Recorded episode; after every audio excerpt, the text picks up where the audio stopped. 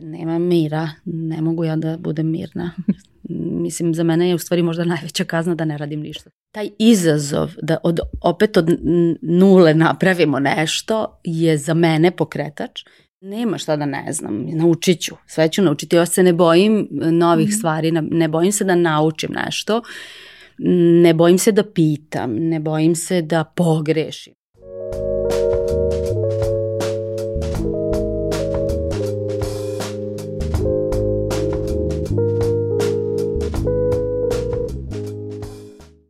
Dobrodošli u Fusnota podcast. Ja sam Aleksandra Petrovski i ceo svoj profesionalni život bavim se postavljanjem pitanja. Najviše me zanimaju priče iza priča i logika iza razmišljenja. Tako i nastao ovaj podcast u kome razgovaram sa celoživotnim učenicima. Amiko Fusnote Culke, globalni provajder inovativnih usluga. Hvala im za ovu podršku, a kako vi možete da pružite podršku daljem prosperitetu Fusnote, saznajte u opisu ove epizode. Moja današnja gošća je završila ekonomiju, jer marketing će svakako svima trebati. Potom je završila i vaspitačku akademiju u želji da otvori sobstveni vrtić, što je i uradila nakon dve godine. Dina Đilas je mama troje dece, pored toga bavi se jevrijskim plesom i pratići vokal je u rock bendu svojih drugara iz gimnazije. Ali, osim vrtića, ima još i osnovnu školu, polikliniku, Avantura park i od nedavno IT gimnaziju u Novom Sadu. Dina, dobar dan i dobrodošla. Na početku imam ono teško pitanje za sve. Ko ste u suštini vi? Dobar dan, hvala na pozivu, velika mi je čast da budem ovde.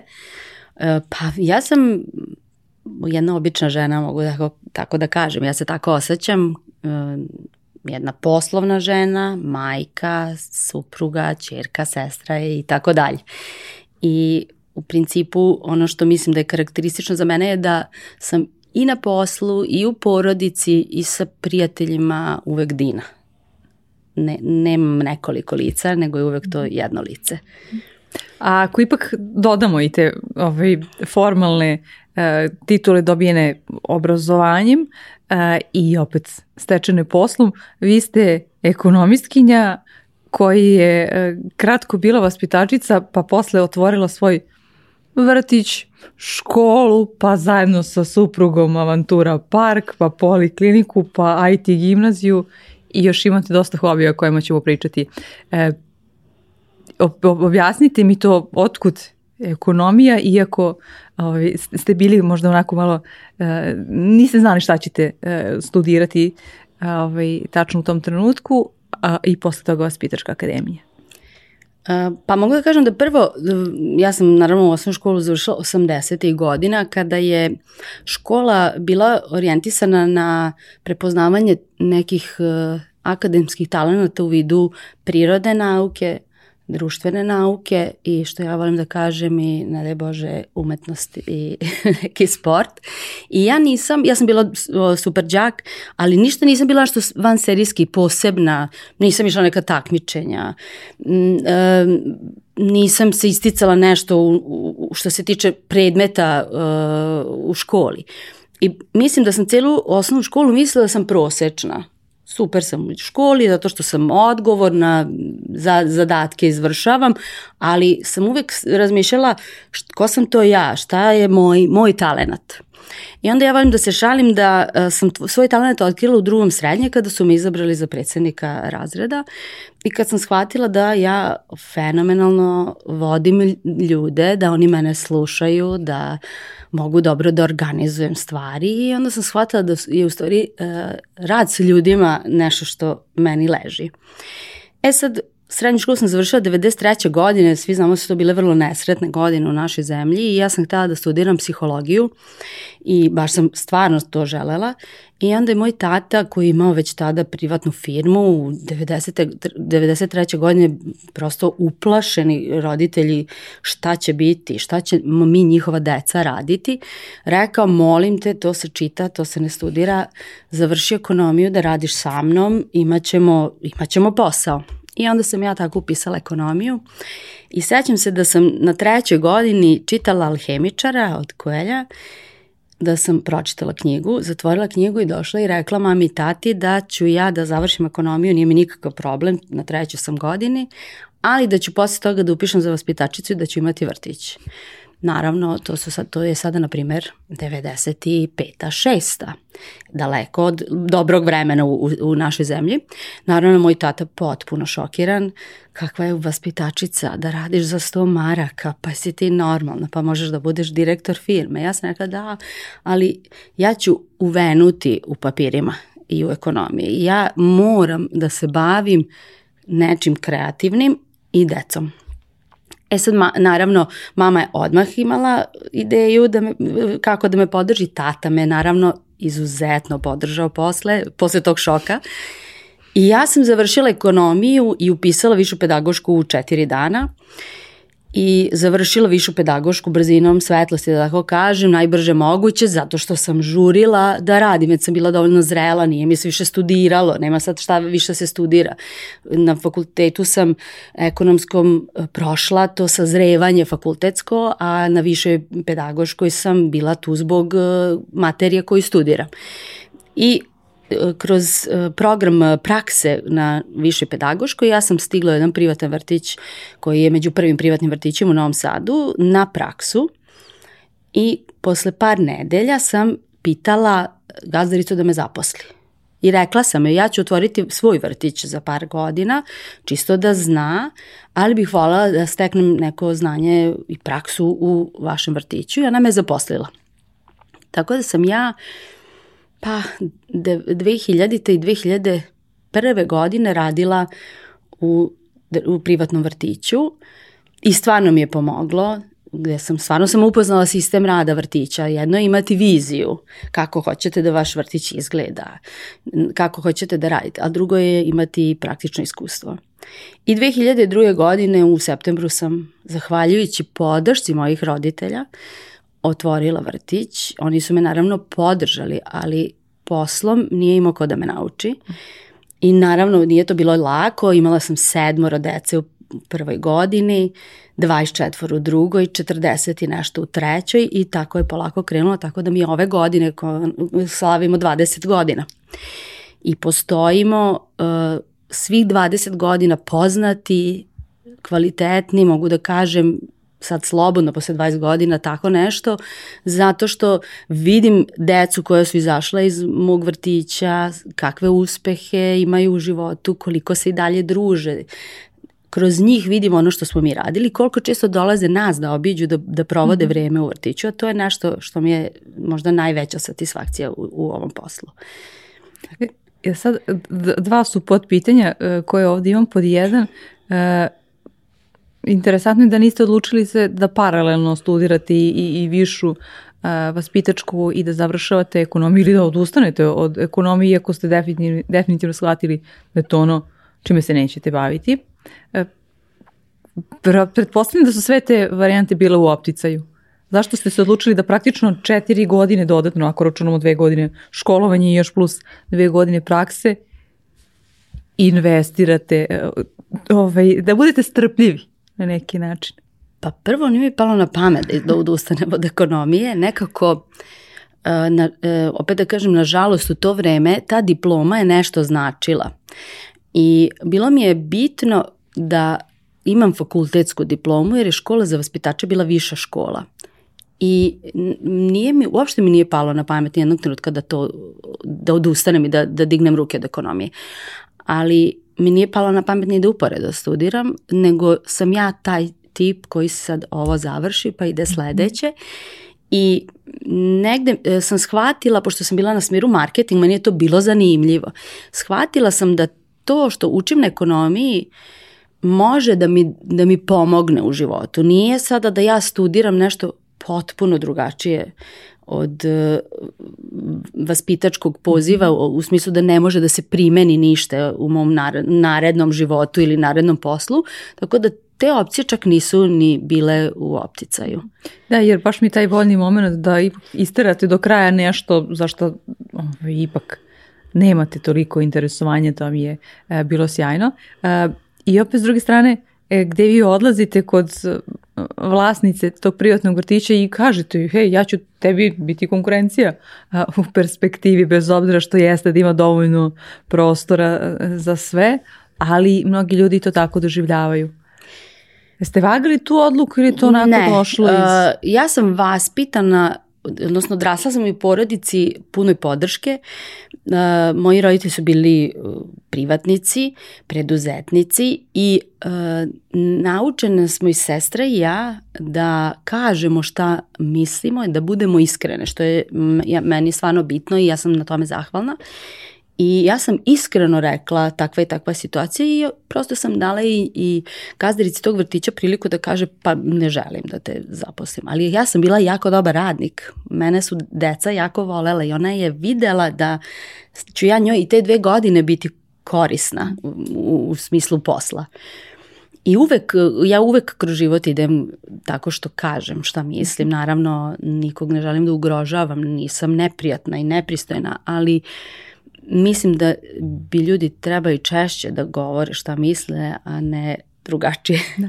kako se dešava. Jeste u startu znali da će to biti dve godine ili ste rekli ha, ja ću biti ovde dok ne, ne osjećam da sam sazrela dovoljno da, da otvorim svoj vrtić? Uh, mislim da sam znala da će to biti dve godine, sad kad moram da vratim film, davno je to bilo.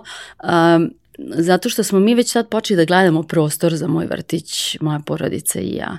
I mislim da je to negde i bilo uh, jasno da će to od neke 2002. godine biti otvoreno. Mm -hmm.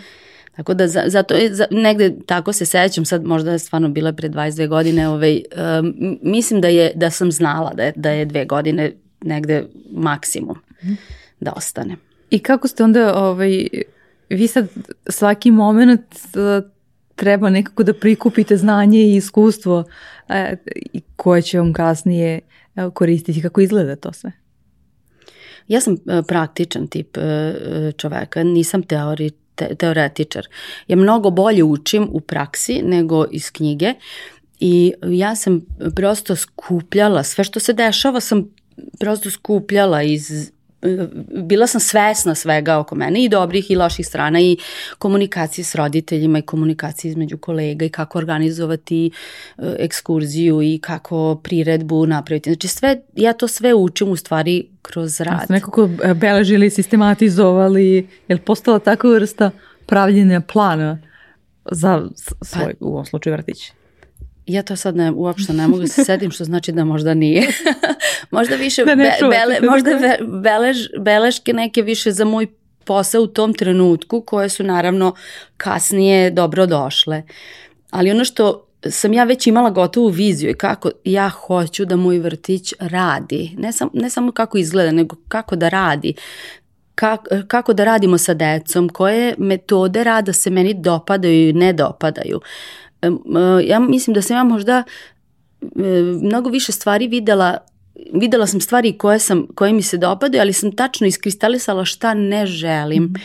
I mislim da je to jako važno i da imamo, ja, ja sam ta, takav e, tip čoveka, ja uvek e, moram da znam zašto nešto želim i zašto nešto ne želim. Ne, ne, nije mi to, pa podrazumeva se, ništa se ne podrazumeva.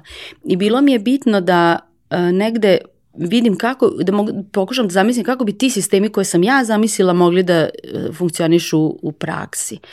I kad sam ja krenula moj vrtić, ja sam radila kako sam ja htela, mislila da je najbolje, želela ili kako već da formulišemo. A najveći izazov je bilo vođenje dokumentacije koje vas niko ne uči, što je naravno najsuvoparniji deo posla koji nas opterećuje više nego što nam prija.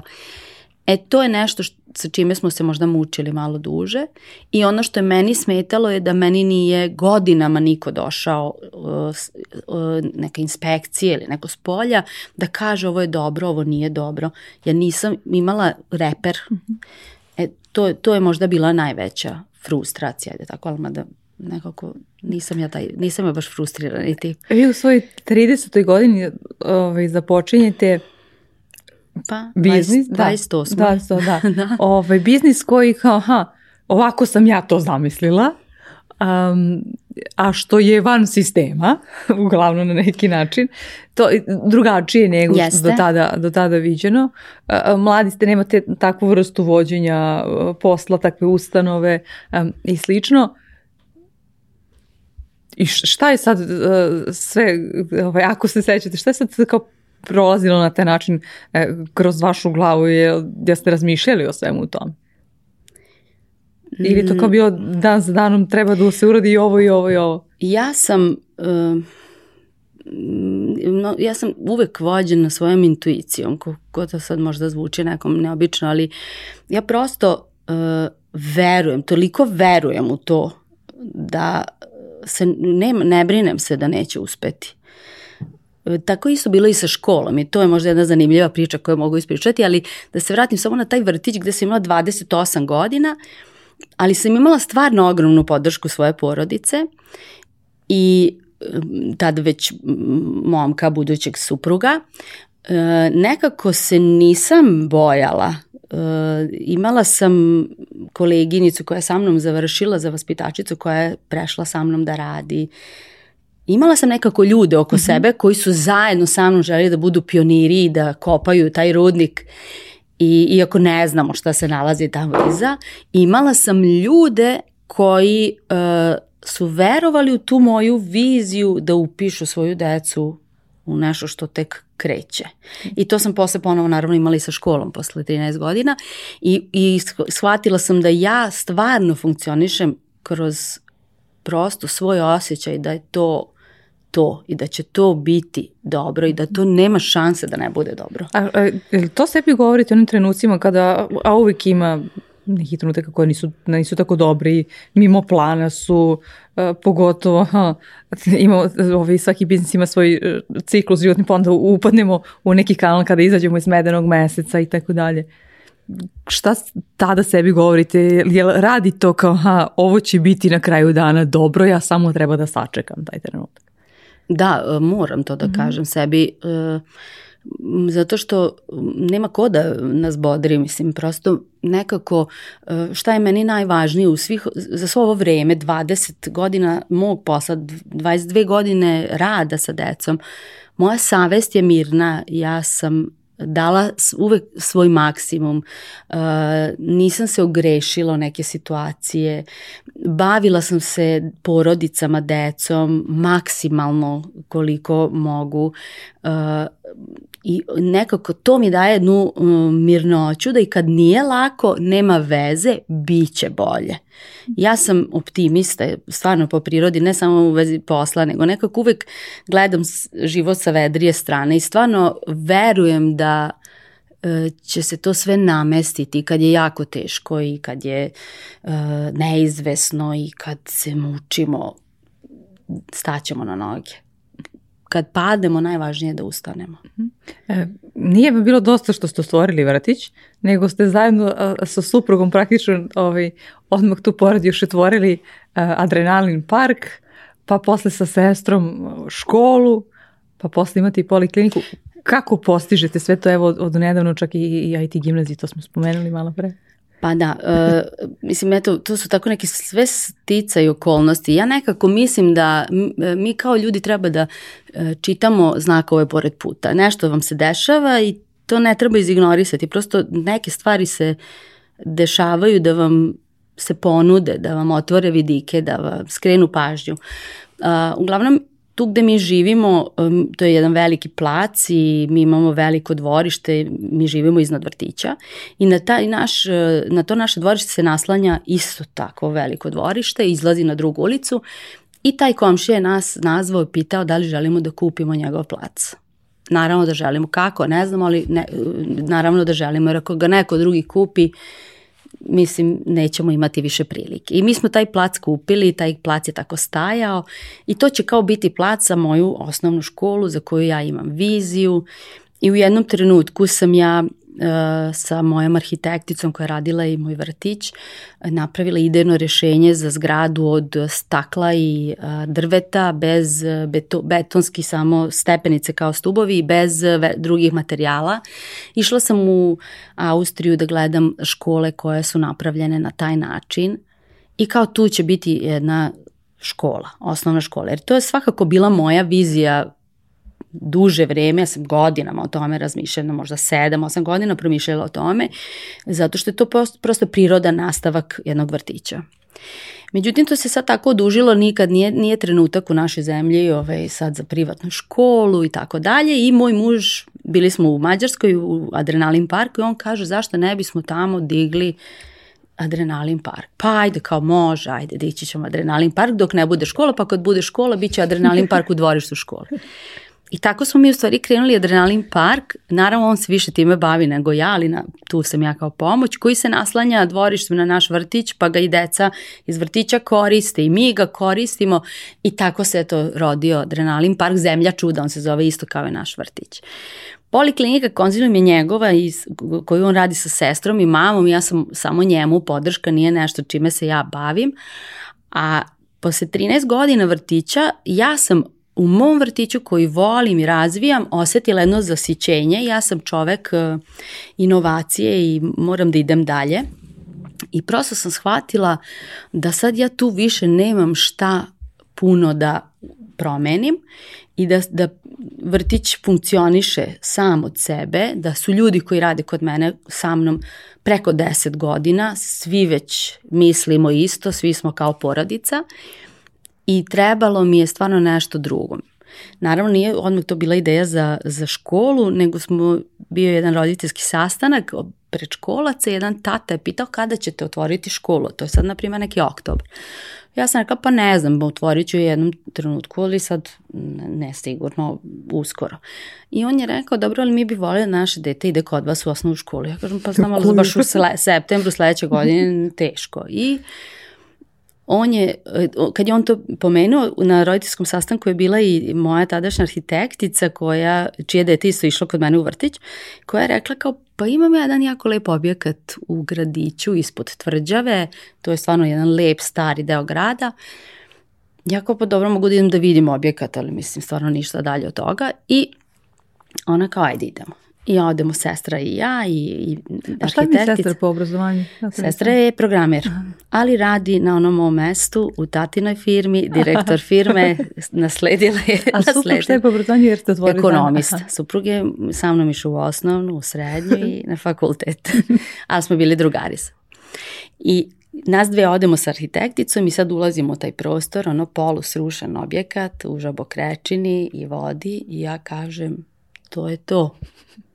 Ja to, ja vidim školu ovde. I sad moja sestra, ja, ona me podržava, međutim sad treba tatu dovesti da i on vidi. I tata kao, ka šta, ne dolazi u obzir, pa vidite ovde vodu, pa, pa to je, bit će vlagije po zidovima, kao na što to liči, rekao, ali tata, ja to vidim. I onda smo mi u stvari ušle u, u taj posed tog objekta i počele tu proceduru koja je bila mukotrpna i u septembru je taj tata upisao svoju čirku u osnovnu školu tvrđava. Znači praktično za 11 meseci vi ste da. ceo objekat, objekat sredili, sredili osobe i, pronašli. Tako je, da. Mm -hmm.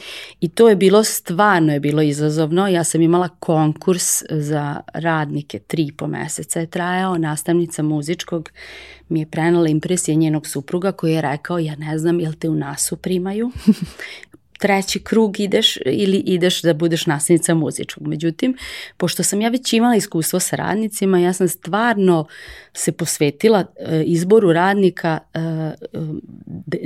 detaljno i mučila i njih i sebe, zato što sam znala da mi je to najvažnije. Mogu ja imati bilo kakvu viziju, mogu ja imati milion jednu ideju, ako ja nemam ko to da radi, to je, je samo ideja. Ko je predstavnik na neki način. Tako je, a, tako a, je. Ste vi obavljali te razgovore u tom trenutku ili, ili imate uh, jer je ono što se zove kadrovska i ljudski resursi je danas vrlo uh, jedno od najbitnijih zapravo, ljudski kapital je, je vrlo bitna ovaj pozicija. Jeste vi u tom trenutku birali, jeste imali neku pomoć, kako je to izgledalo? Ja sam kadrovska mhm. služba bila u tom trenutku, međutim imala sam naravno pomoć moje prijateljice i koleginice psihologa, i dve, kole, dve prijateljice su uskakale jer je to toliko dugo trajalo, ali uh, ja sam opet taj tip uh, da sam teško naučila da delegiram neke stvari, ja to volim da ja to čujem, da ja popričam i naravno bilo mi je važno Uh, opet kao i sa ovim ostalim stvarima što sam rekla, ta intuicija da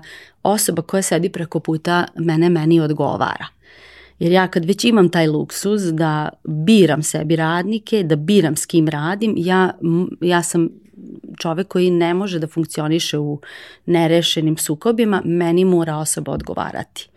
I ja sam ovaj, obavljala i razgovore i testove pregledala i gledala ogledne aktivnosti, možda su i to bile zanimljive anegdote da su sad ti neki nastavnici koji treba predaju fiziku, sa nastavnicom fizike možda bila i najzanimljivija anegdota i neke druge predmete trebaju da održe čas, ja nemam školsku decu na raspolaganju, ja imam vrtić I sad nastavnica fizike predaje fiziku šestogodišnjacima. Ali ako njima zna da objasni, ja ako drži rekla, pažnju, to je to. ako zna da objasni šestogodišnjaku fiziku, ovaj sa 13 će to sve razumeti. Oni su bili oduševljeni.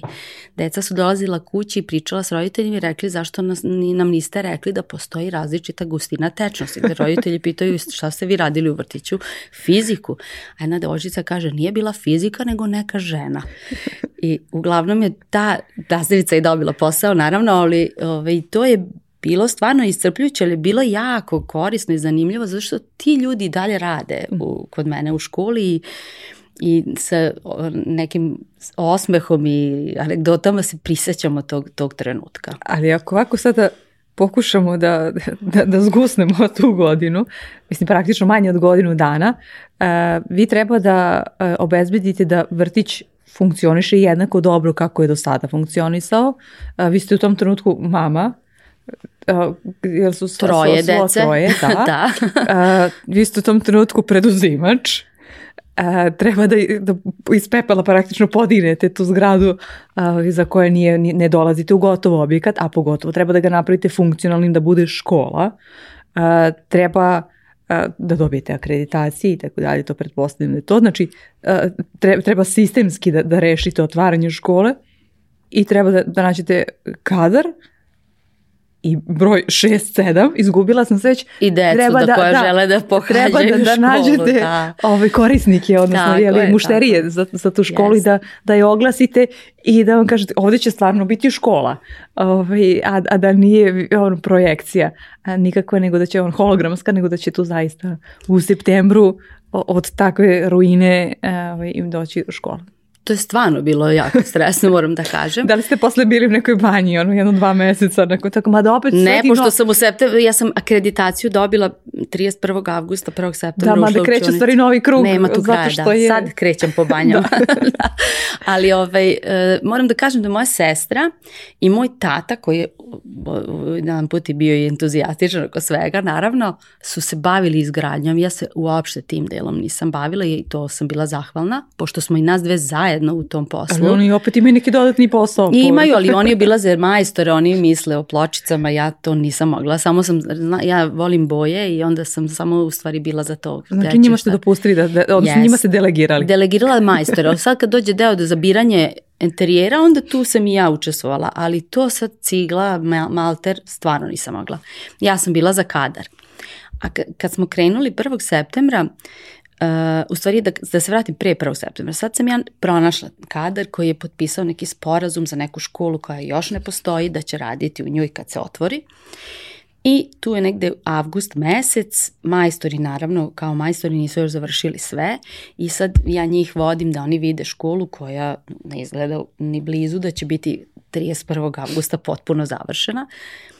I a, pored nas, par kuća ima neki hostel koji ima neki dvorište i ja sam njih zamolila da mi da ustupe dvorište da tu održim sastanak moja koleginica psiholog koja je sa mnom u cijeloj priči od početka i 20 i nešto novih ljudi koji će početi da rade. I ja se samo sećam da je ona rekla, bože kakav motivacioni govor si ti održala. Pa oni su sad spremni u nu prašinu da uđu i da drže časove, ne vide školu, ali sve ti veruju. Ali to je taj moj entuzijazam i to ljudi često kažu da taj moj entuzijazam izlazi iz mene i da se prenosi i oni su stvarno svi verovali. Ja sam njima rekla, posle ja sam vama zahvalna na toj količini poverenja, mene nikad niko nije video pre toga od njih. Međutim, 1. septembra smo mi ušli u prostor i sve je bilo naravno kao škola namešteno i imali smo desetoro dece, od kojih je petor mojih, dvoje i sestrinih troje. Ja kažem pet nelikvidnih, ali prave gužvu. Tako da nije to bilo lako, međutim mi smo u školu tu godinu završili sa 16, sledeće godine upisali oko 30 i mi sad imamo 100 dece u sedmoj godini. Ja sam prezadovoljna na koji način se ta škola ili vrtić, isto je i sa vrtićem bilo širio, ništa prenaglo da i mi možemo da rastemo sa, sa uh, ustanovom zajedno, i taman onako kako treba. A ono što sam naravno isto ponosna i zahvalna je da vrtić svih ovih 7 godina bez mene funkcioniše besprekorno i da oni rade kao da sam ja tamo. Znači naučili ste ipak da delegirate pomalo. da, morala, sam, morala sam naučiti da delegiram, mm -hmm. bi možda već poluzela potpuno, da. A je li ima neki trenutak e, ili baš dok ste prolazili kroz tu izgradnju škole, ali i posle kada se to razradi, tu tek počinje zapravo Ovi, taj, ti godin dana nakon može da se ide na entuzijazam najozbiljniji mogući, ali već u nekom momentu se svako ovaj, umri. E, je li bio neki moment kada ste sebi rekli, ba dobro, mogla sam, meni, bilo meni lepo sa onim vrtićem, šta sam ja morala i sve ovo da, da, da pokrećem i da, da sve ovo radim? Ne, ne.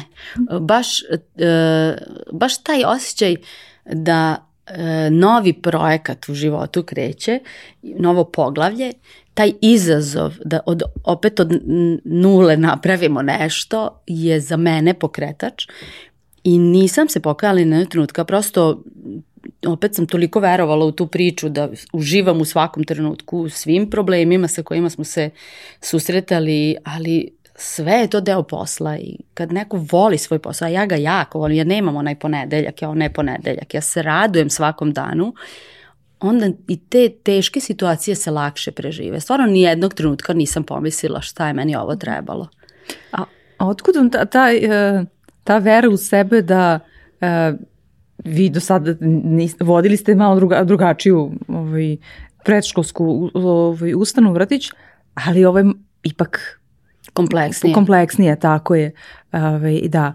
Otkud vam vera, taj, taj, ovaj, takozvano ono, samopouzdana, samopouzdanje, samopouzdana skromnost, ja se nadam da je u pitanju, ovaj, da kažete ja ću to da izguram na najbolji mogući način. I, i svakakve vrste investicija su tu u pitanju, ne samo finansijski. Mm, pa ne znam, ne, možda ne znam što odmah da odgovorim.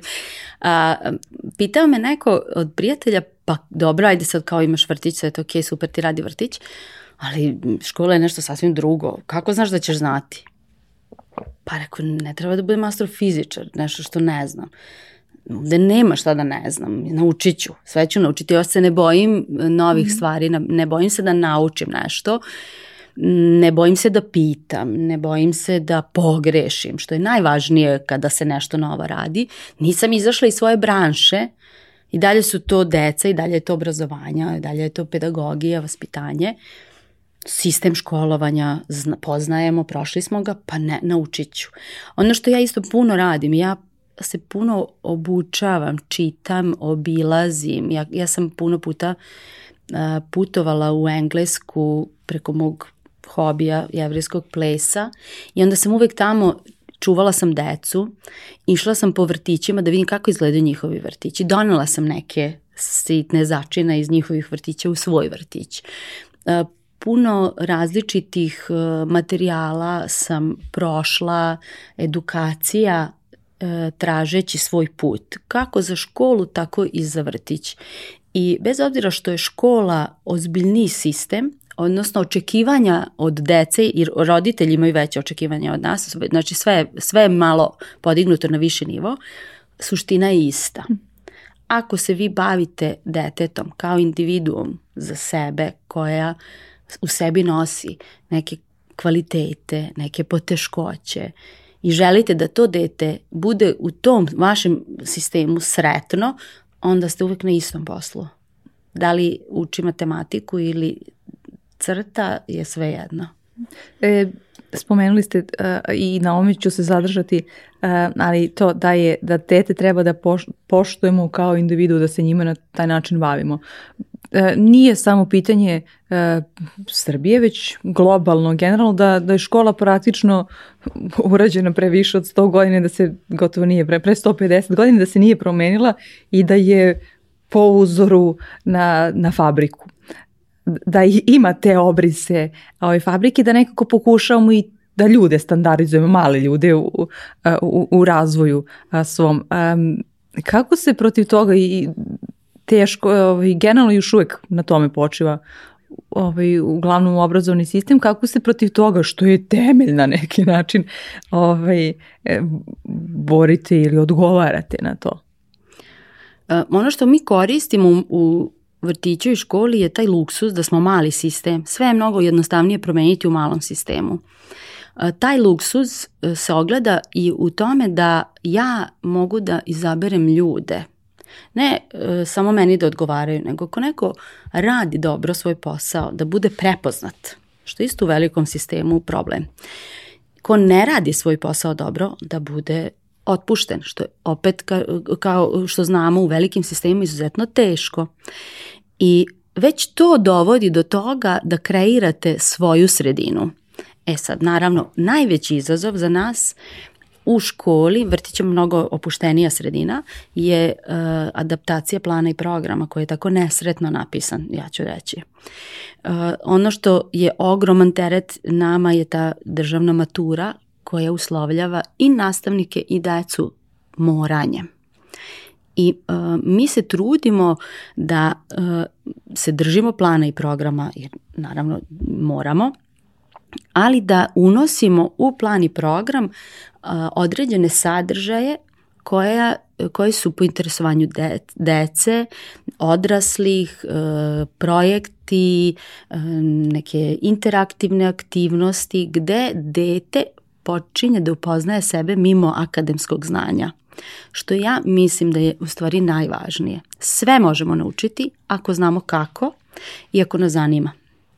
Ako mi dete ne zainteresujemo, možemo ga samo terati na reprodukciju onog što je čuo. A moj cilj je da i deca iz vrtića i deca iz škole izlaze željna znanja, da su upoznali sebe koliko god je to moguće na tom uzrastu i da se ne plaše da uče. Jer to je ono što se meni dešava. Mm -hmm. Ja e, i dalje učim, ja i dalje istražujem, ja i dalje uvodim neke stvari u, u svoje sisteme, e, ne zato da bi imala bolju ponudu, nego zato što verujem da doprinose rastu i razvoju dece. A veliki sistem nema vremena ni prostora za tako nešto i to je ono što mi moramo da iskoristimo. Ono što, što ja imam i u vrtiću i u školi, to je neka vrsta selekcije i dece koja se upisuju nije bitno da je dete naj, da je ekstra pametno ili da je strašno talentovano za nešto, nego je meni važno da u startu uh, poštedim i dete i sebe, odnosno kao instituciju uh, budućih problema sa porodicom koja se sa mnom ne slaže. Ako mi na prvom razgovoru vidimo da nemamo slične stavove o obrazovanju, vaspitanju, mi ćemo biti u problemu sigurno za 8 godina. E to su neke situacije gde ja ne primim nekog. I onda mi u stvari imamo jednu sredinu gde su tu roditelji koji su želeli da, do, da budu kod nas, tu su roditelji koje smo mi želeli da budu kod nas i deca i imamo jednu lepu sredinu u kojoj možemo da radimo. Kako vi postižete, pored svih ovih poslova koje smo a, nabrojali, a, rekli ste da ste, spomenuli ste da ste iskoristili na neki način svoj e, hobi i da kada putujete negde e, kroz jevrijski ples da onda e, i tu ovaj, vršite ovaj, uvid šta, šta se su, sve tu dešava u tim obrazovnim uh, ustanovama i slično. Uh, kako tu ostajete, da kažem, uh, otvorenog uma, da ne kažete, ha, preopterećena sam uh, birokratijom, uh, ovaj, upravljanjem ljudima i ovim i onim, uh, da odvojite neki deo svog i, i uma i vremena uh, za, za tako nešto? Pa, prosto to shvatam kao odmor ja se plejsom bavim 26 godina, znači pre svega ovoga je taj plejs bio, on je stigao pre svega. I uh, dugo sam radila u u dečijem klubu u Jevrejskoj opštini Novom Sadu sa decom. On mi je i pomogao da vidim svoj talent u radu sa decom. A uh, negde mogu da kažem da ta, te, te probe koje mi imamo jednom nedeljno su u stvari odmor i druženje sa ljudima sa kojima igram već 26 godina i ta putovanja naša su odmor. I jako je važno da neko, da svi imaju to po meni, neku vrstu ventila ili terapije. Ja imam muzikoterapiju. To je ples, to je band, to je jednom nedeljno klavir i pevanje i nije mi uvek lako, ne mogu, nekad, nekad, nekad ne stignem na neku probu, ali generalno mi to sve jako prija i mislim da moram time da se bavim, prosto da, da bih imala neki ventil. To mi je super, što ste rekli, ja moram time da se bavim, moram, da, da, da bi održali se na duže staze.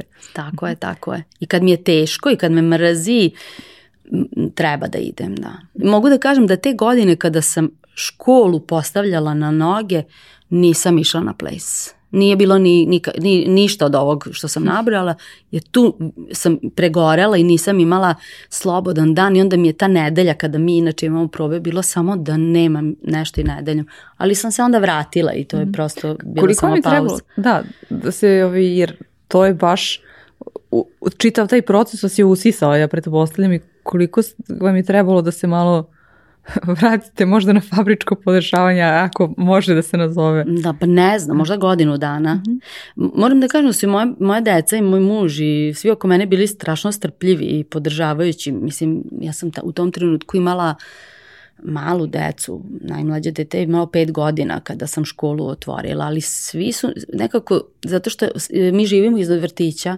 i kad su moja deca u vrtiću, oni su sa mnom na poslu, ja nisam imala to odvajanje njih i mislim da je to uticalo na i na, u tom trenutku na to da se niko ne osjeća loše, tu je mama, ali malo, malo je ovaj, odsutna umom i fizički, ali E, prošlo je, brzo je prošlo. Ja, se mhm. ja to potpuno sam izbrisala iz glave. Ne, samo imam te neke segmente koji su možda ili bili jako stresni ili jako simpatični, koje sam za, zadržala, ostalo se gotovo ne sećam.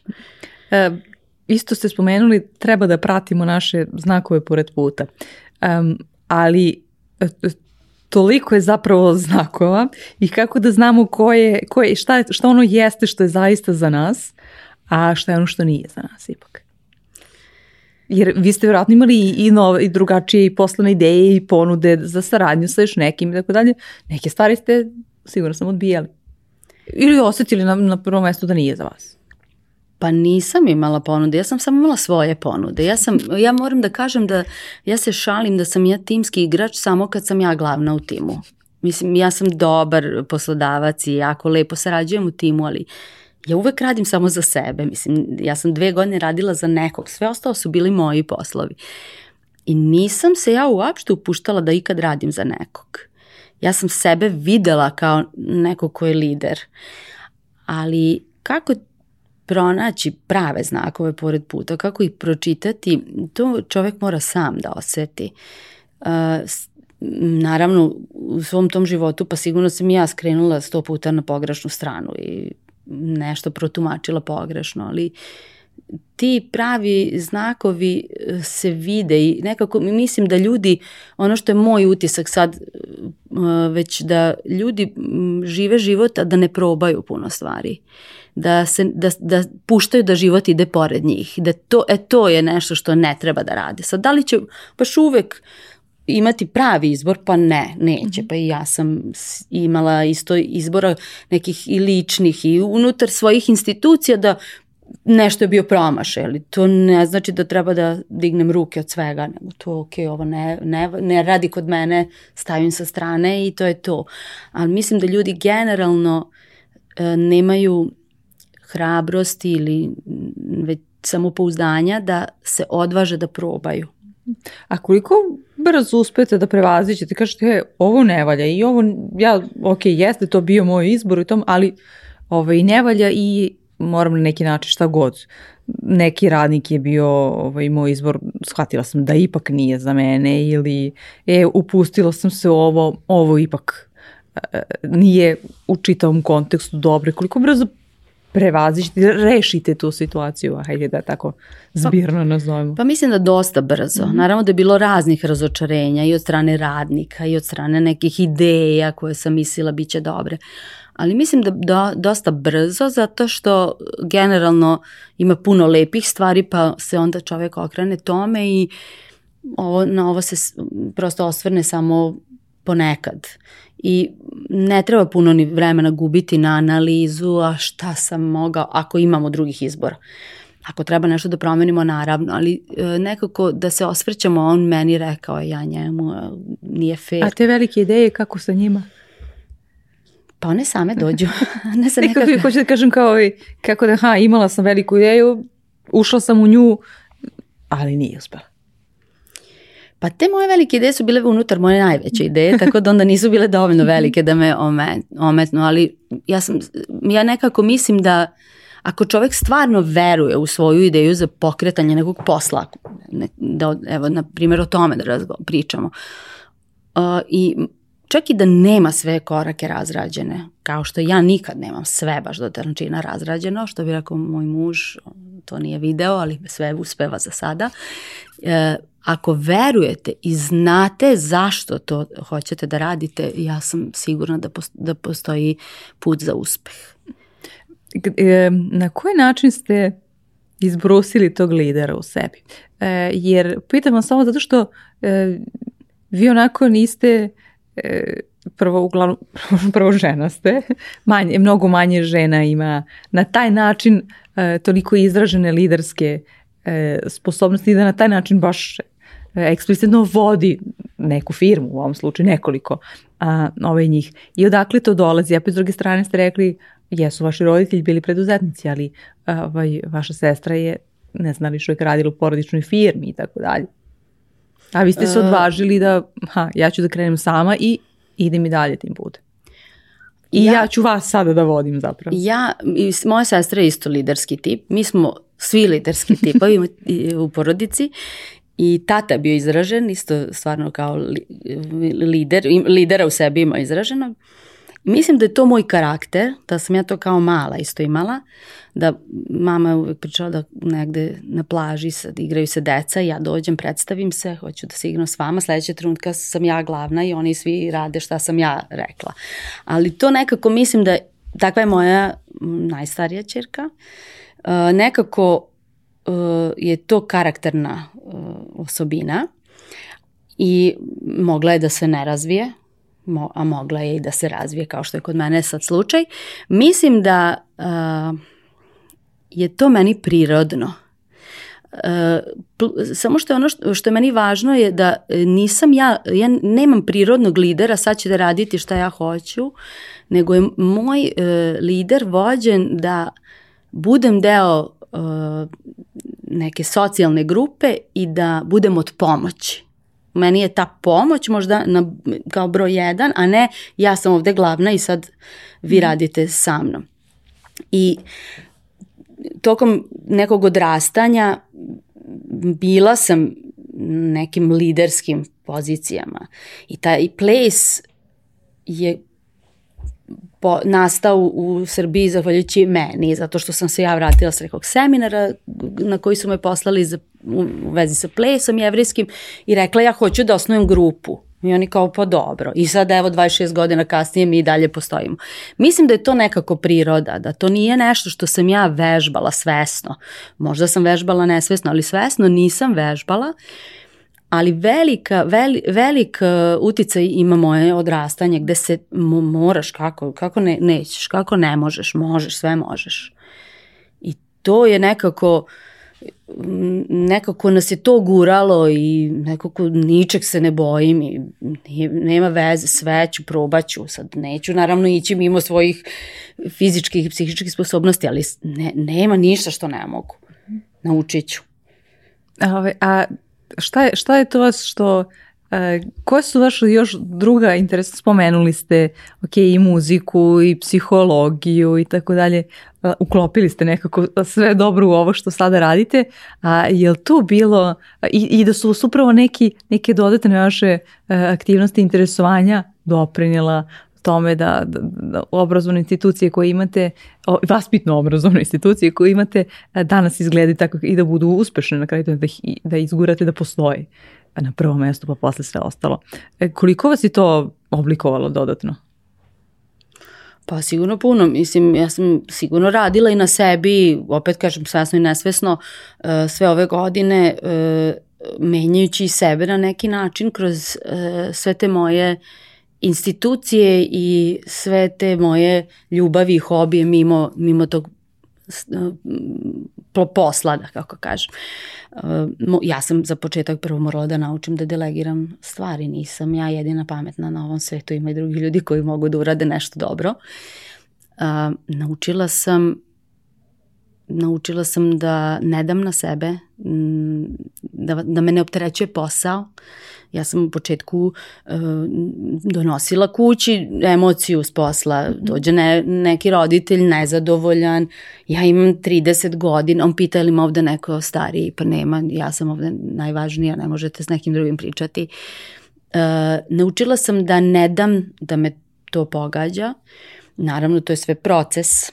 I naučila sam da uh, nekako ne misle svi kao i ja, ništa se ne podrazumeva, moram objasniti sve. To sam doživjela kada sam školu otvorila, sad ja sam već 13-15 godina u tom poslu, imam viziju već o toj školi koja e, teče, koja nije samo e, reprodukcija naučenog, polaganje te, testova, kontrolni matura i tako da, nego mnogo više od toga.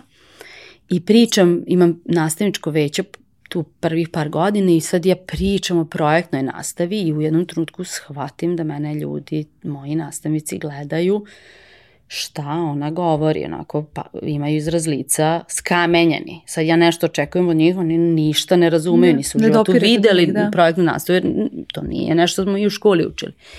I ja onda tu shvatam da ja sad imam novi sistem gde moram polako iz početka povući ručnu mm -hmm. i opet iz početka uvoditi ljude u posao i u svoju glavu, u ideju iz moje glave. E to je isto uh, nešto što sam morala da učim. Kako ste to naučili? Pa tako što to osvesti me situacija neka prosto i vidim da sam, da možda previše očekujem od njih u nekom trenutku da moje misli, oni ne prate moje misli u glavi i da prosto ja moram, ne, nisu oni krivi, nego ja moram da prikočim i učim i dalje kako da organizujem svoj sistem tako da to sve što ja imam u glavi mogu da implementiram. To i dalje moram da učim jer to, to je puno, puno stvari i ne može to sve odjednom. Ali nekako rad s ljudima je moja ljubav i ja svoje sisteme i gradim ne kao neko ko daje recept i to moraš i to moraš, idem za njima, kontrolišem njihov rad, nego im dajem punu slobodu i autonomiju da rade na svoj način, ali ja s druge strane jako puno radim na njima. Mm -hmm. I negde njih guram da rade na sebi. I kada izgradim odnos sa ljudima da oni znaju ko su, da oni žele to, onda, sam ja, onda ja mogu da imam vrtić koji radi bez mene sedam godina besprekorno. A, a, kako uspevate, ok, nije se sad jednom dlanom od dlan, recimo, ovaj, škola, ta ideja je dugo u vama Kuljala. sazrevala, tako je, da. Ali uh, da, da s jedne strane ta ideja ne ostane samo ideja, uh, a da, da, da održite kao, a, to će se dogoditi i da ne izgubite taj moment entuzijazma da će se to realizovati, a i opet taj trenutak e, sada je sada treba ovome da se pusti, bez obzira što jeste na neki način bio mig sa strane ili ako ga nazvamo znak pored puta sa strane, ali sad idemo u to. Uh, jeste dugo ovaj, u meni kuvala ta ideja o školi, ja sam baš puno o tome razmišljala, ali ja kad se za nešto zakačim i to mislim da to sad treba, onda to guram u stvari do kraja i nekako je stvarno bilo logično da posle jednog vrtića gde mene roditelji iz vrtića stalno pitaju pa kad će ta škola? Onda, šta, šta, u stvari šta se još desilo? Možda je to čak bio i prelomni trenutak. Moja deca su krenula u školu. Mm. I ja sam videla kako moja deca u, u, krenula su u državnu školu. Iz jednog uh, sistema gde se radi na entuzijazmu, na, na radoznalošću, na želji da se uči, na timskom radu, na drugarstvu, Moja deca za dve godine mrze ulicu u kojoj je škola. Odrađuju levom rukom nešto što je učiteljica zadala, super su đaci, ali entuzijazam i motivacija nula. I ja znam da, sećam se da smo pričali i suprug i ja i sa sestrom, šta će biti sa našim decom kad budu izašli školu, pa ko će da radi ove naše poslove uh, ako oni budu ovako nemotivisani bez entuzijazma? I, i prateći drugu decu koja su izlazila iz mog vrtića, shvatila sam da oni stvarno jako brzo venu u tim sistemima, pa mora da može da bude drugačije. I onda sam ja u stvari se posvetila tome, ajmo da vidimo kako to može da bude drugačije i tako smo, tako i kren, smo i krenuli. Da, to je iskustveno. S druge strane, ili ste imali to kao, aha, neki uh, dokument, folder, šta god, tefterče, kao uh, ovo će biti, uh, gde ste prikupljali sve ideje koje je u okviru jedne, u ovom slučaju škole? Da, da, imam ja nekoliko tih tako teftera, onda ne znam u kom tefteru je ta ideja, ali ja stalno imam negde da zapisujem nešto i ono šta ja radim, na primjer, na bilo kojoj edukaciji. Ja na edukaciji nikad ne pišem šta pi, priča edukator, nego odmah pišem ideju na osnovu onog što da. konvertujem je na ono što meni treba za moj posao. I tako u stvari ti svi moji zapisi jesu to. Aha trebalo bi ovo neka dobra ideja za radionicu za roditelje. Znači to su sitne stvari koje u stvari puno znače E, jer ste izračunali koliko recimo na mesečnom nivou e, uložite vremena u, u sobstvenu e, edukaciju ili razvoj? Pa ne, nisam se bavila tim računanjem, ali mislim, ja i kod kuće razmišljam o, o, o školi, obrazovanju i gledam na internetu, na online tražim sadržaje, tako da ja na, na letovanjima spremam materijal za edukacije, nema mira, ne mogu ja da budem mirna. Mislim, za mene je u stvari možda najveća kazna da ne radim ništa, to je najstrašnije. Da, pa, ovaj, i zato što generalno uh, vlada mišljenje da ipak treba da se odvojimo od posla i tako dalje, da ga pogledamo sa strane malo uh, i slično. Ovaj, a vi ste konstantno nekako svojevoljno i sa osmehom na licu i entuzijazmom u tome. Ipak nemate te momente kao, aha, ja ipak moram malo da iskuliram, što bi rekli mladi. A, daleko od toga da ne, ne, ne napravim pauzu. Znači, za početak sam prestala nosim kompjuter kući. Mislim, laptop ostavim u školi, sada ne čuje neko, ne šalim se, ovaj, do vikenda, jer neću da ga palim kod kuće i kod kuće sam posvećena ja i porodici i sebi, ali uh, moj, moj, ja volim da čitam, ja volim da uh, radim na sebi, mene, ja volim izazove mentalne, ja onda isto u slobodno vreme volim da čitam neke stvari koje imaju veze s mojim poslom. Mhm. Nije mi to, nije mi to teret.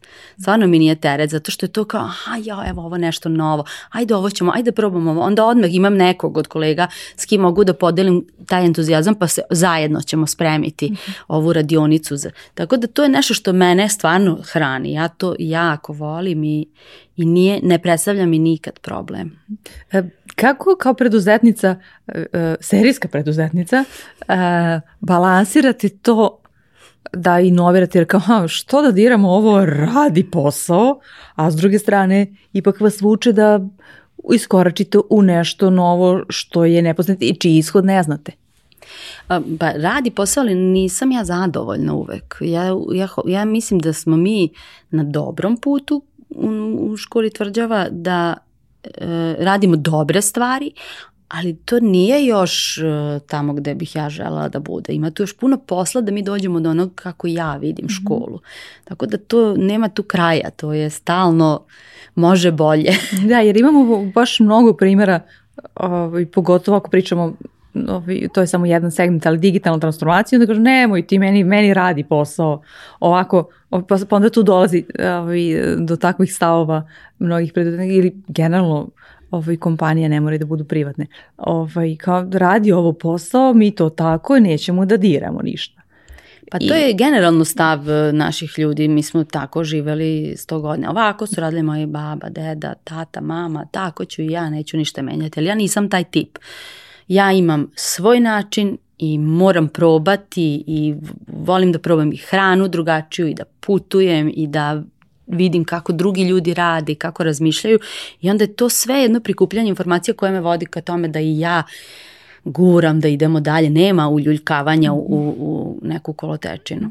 Kako uh, drugi ljude, pogotovo vaše zaposlene, uh, koji ne moraju svi, to jeste ovaj, vaša firma, ali kao, ha, i, i treba da, kako njih nekako ubedite da će to biti do, na kraju dana dobro i da treba da, da rade nešto novo i drugačije?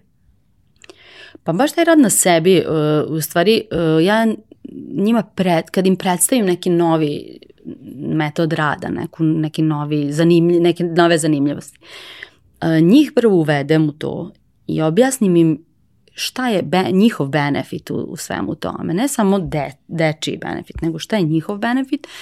I onda uh, u stvari radim sa njima na na tome pružujući im podršku, uh, spremajući sa njima časove, pomažujući im da razumeju poentu, poentu toga. Tako da to jeste proces, to je dugotan proces, to traje stvarno dugo, ali pošto je i u vrtiću školi jedna lepa atmosfera i ljudi su nasmejani na poslu, onda je nekad kad je nešto teško izdrže. Sigurno sam da im nije lako. Pogotovo sa mojim tempom, da. da, tempom i idejama, ali nekako mislim da su se već navikli. Naravno, neko ko se ne, ne uklopi ode i to je isto u da, redu. Da. da. E, šta je vaša, e, pogotovo generalno za, za, ovaj, za škole i dobrim delom za vrtiće, e, je period pandemije protekle dve godine bio dosta izazovan. E, a šta je vaša najveća lekcija kao e, preduzetnice, e, liderke, serijske preduzetnice zapravo i nekoga koje na kraju i kao osobe? Šta je vaša najveća lekcija iz protekle dve godine od kada je počela pandemija? Mm, moram da kažem da uh, je meni pandemija prijala. Mislim, to vreme nije pandemija prijala, ali pa vreme u tom karantinu mi je prijalo. A, zato što m, mm, sam morala da se odmorim. A ja to ne znam sama da uradim, nego nametnuto mi je e, i ono što je isto možda važno je da moj vrtić radi cele godine. Ja imam samo sedam dana godišnje zatvorenu svoju ustanovu kada mogu da ne mislim o tome. A ovde sam imala dva meseca dvorište prazno, nema dece, mi živimo iznad. Uh, gde, smo, gde sam se ja potpuno opustila, ok, e, nije, nije lako, teška je situacija, pokušavamo nešto online da radimo, ali nekako se moj mozak isto opustio. Ja sam se onda bavila sobom, uh, čitala sam puno, napolju mi imamo ogromno dvorište, znači naš karantin je napolju. Vežbala sam za sebe s decom, bila kuvala, ja volim da kuvam. Uh, družili smo se, nekako mi je prijalo, to mi je bilo kao da je ceo svet povukao ručnu košnicu, pa onda mogu i ja, imam dozvolu bez griže savesti. I nekako sam možda iskristalisala sliku svog života, šta mi je bitno, šta mi nije bitno. Meni se pre pandemije desila jedna teška situacija, umro mi je tata uh, u novembru pre pandemije, tako da se to sve nekako nadovezalo Mislim da mi je to vreme prijalo i da tu bol isto prođem sa, sama sa sobom i sa svojim najbližima i izašla sam iz pandemije pametnija mogu reći. Nekako sam m, nekako sam sebi postala bitna mm -hmm. I, ne, i negde sam, uh, ma, mislim da ima to veze s godinama, negde sam uh, odlučila da ne, neki ljudi mi ne prijaju i ne mogu, ne mogu da dozvolim da mi crpe energiju, da, na, da naš odnos se zasniva na tome da, da ja samo dajem, -hmm. a da nekad moram i ja, ja dobiti. Tako da nije bilo lako, ali moram da kažem da mislim da je meni to stvarno trebalo. Prijelo mi, prijelo mi je to potpuno promena ritma. E, bez kojeg znanja, veštine uh, ili možda osobine uh, vi danas ne biste bili ova Dina sa kojom ja razgovaram? Mislim da je kod mene najvažnija ta vera u ljude i ljubav prema prema ljudima i prema radu sa, sa ljudima i da negde i vera u sebe naravno. Nekako taj entuzijazam je možda u meni postoji kao neka karakterna crta, ali mislim da taj optimizam i, i to, ta ljubav u stvari prema okolini me gura da idem dalje. Jer uvek imam podršku, uvek imam neku neku viziju, uvek imam nekog koga vidim negde na kraju puta da da, da, da, da, da mi maše, da, me, da, mi, da mi pomaže. Ne, ne znam, mislim da da je to. Prosto uh, ne bih mogla jednu osobinu samo izneti. Mislim da je ceo sklop uh, mog života i kvalitet mog života koji sam imala i imam naravno još uvek uh, doveo do toga da sam možda neustrašiva, ajde tako da kažem, da mi nije strah, mm -hmm. me nije mhm. strah da, da ulazim u nepoznato. Kako vi sada, uh, imate troje dece, kako vi sada vaspitavate svoje decu da budu neustrašiva? Mislim, ok, ima tu dobro delom vaspitanja ličnim primerom, ali... Pa u današnje vreme to je izuzetan izazov, zato što... Uh, Vaše najstariji dete ima 18, ili tako da? Da, sad ću ponedeljak napuniti 18 oh. godina, imam od 16 godina čerku i dečaka od, od 11. Uh, pa i, i suprug i ja smo takvi i, i onda valjda i tim primerom dajemo njima neku slobodu da budu i oni, ali mora da se priča, mora da se bodri, mora da se, mora da se razgovara. Jer nekako današnja e, Današ, današnje društvo, moje dece, odnosno tinejdžeri, meni nisu, su strani, meni je to strano. I nekako ne bih voljela da moje deca budu deo mase a, voljela bih da budu svoje u masi, ako treba. Ali nije lako ih negde osokoliti da krenu i da, da ne odustanu, jer se jako lako odustanu, nisu, danas stvarno uh, nisu uporni kao što smo mi bili, prosto drugačije živote vode u odnosu na nas. Ne moraju da se, potru, da se trude ni oko čega toliko ne. kog smo mi morali. Dosta toga mi je servirano i nije možda zanimljivo. Da. Bez, bez obzira, bez namere da ogovaramo. Tako je, da, da, da, naravno, ali... nego je samo kratkotrena da. pažnja i brzi instant, instant život. I onda je i laka promena. Ako ovo ne uspe, pa ne veze, uzet ću nešto drugo, ali istrajnost u, u nečemu fali. Hvala vam Dina na ovom razgovoru. Ovaj, i ovaj, zahvalite se i direktorki Dini što vam je dalo slobodan dan da možete da, da. dođete u Beograd da razgovaramo.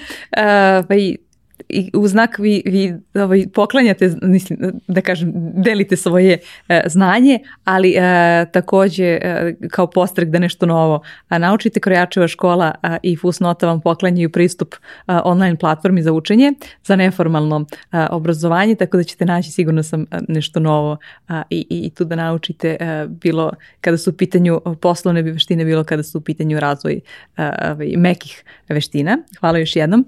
Vi takođe ako želite da, da ovaj, uzmete neki kurs sa krojačeve škole imate kod za 20% popusta Fusnota u opisu epizode pogledajte detalje. Uh, slušamo se i naredni put. Doviđenja.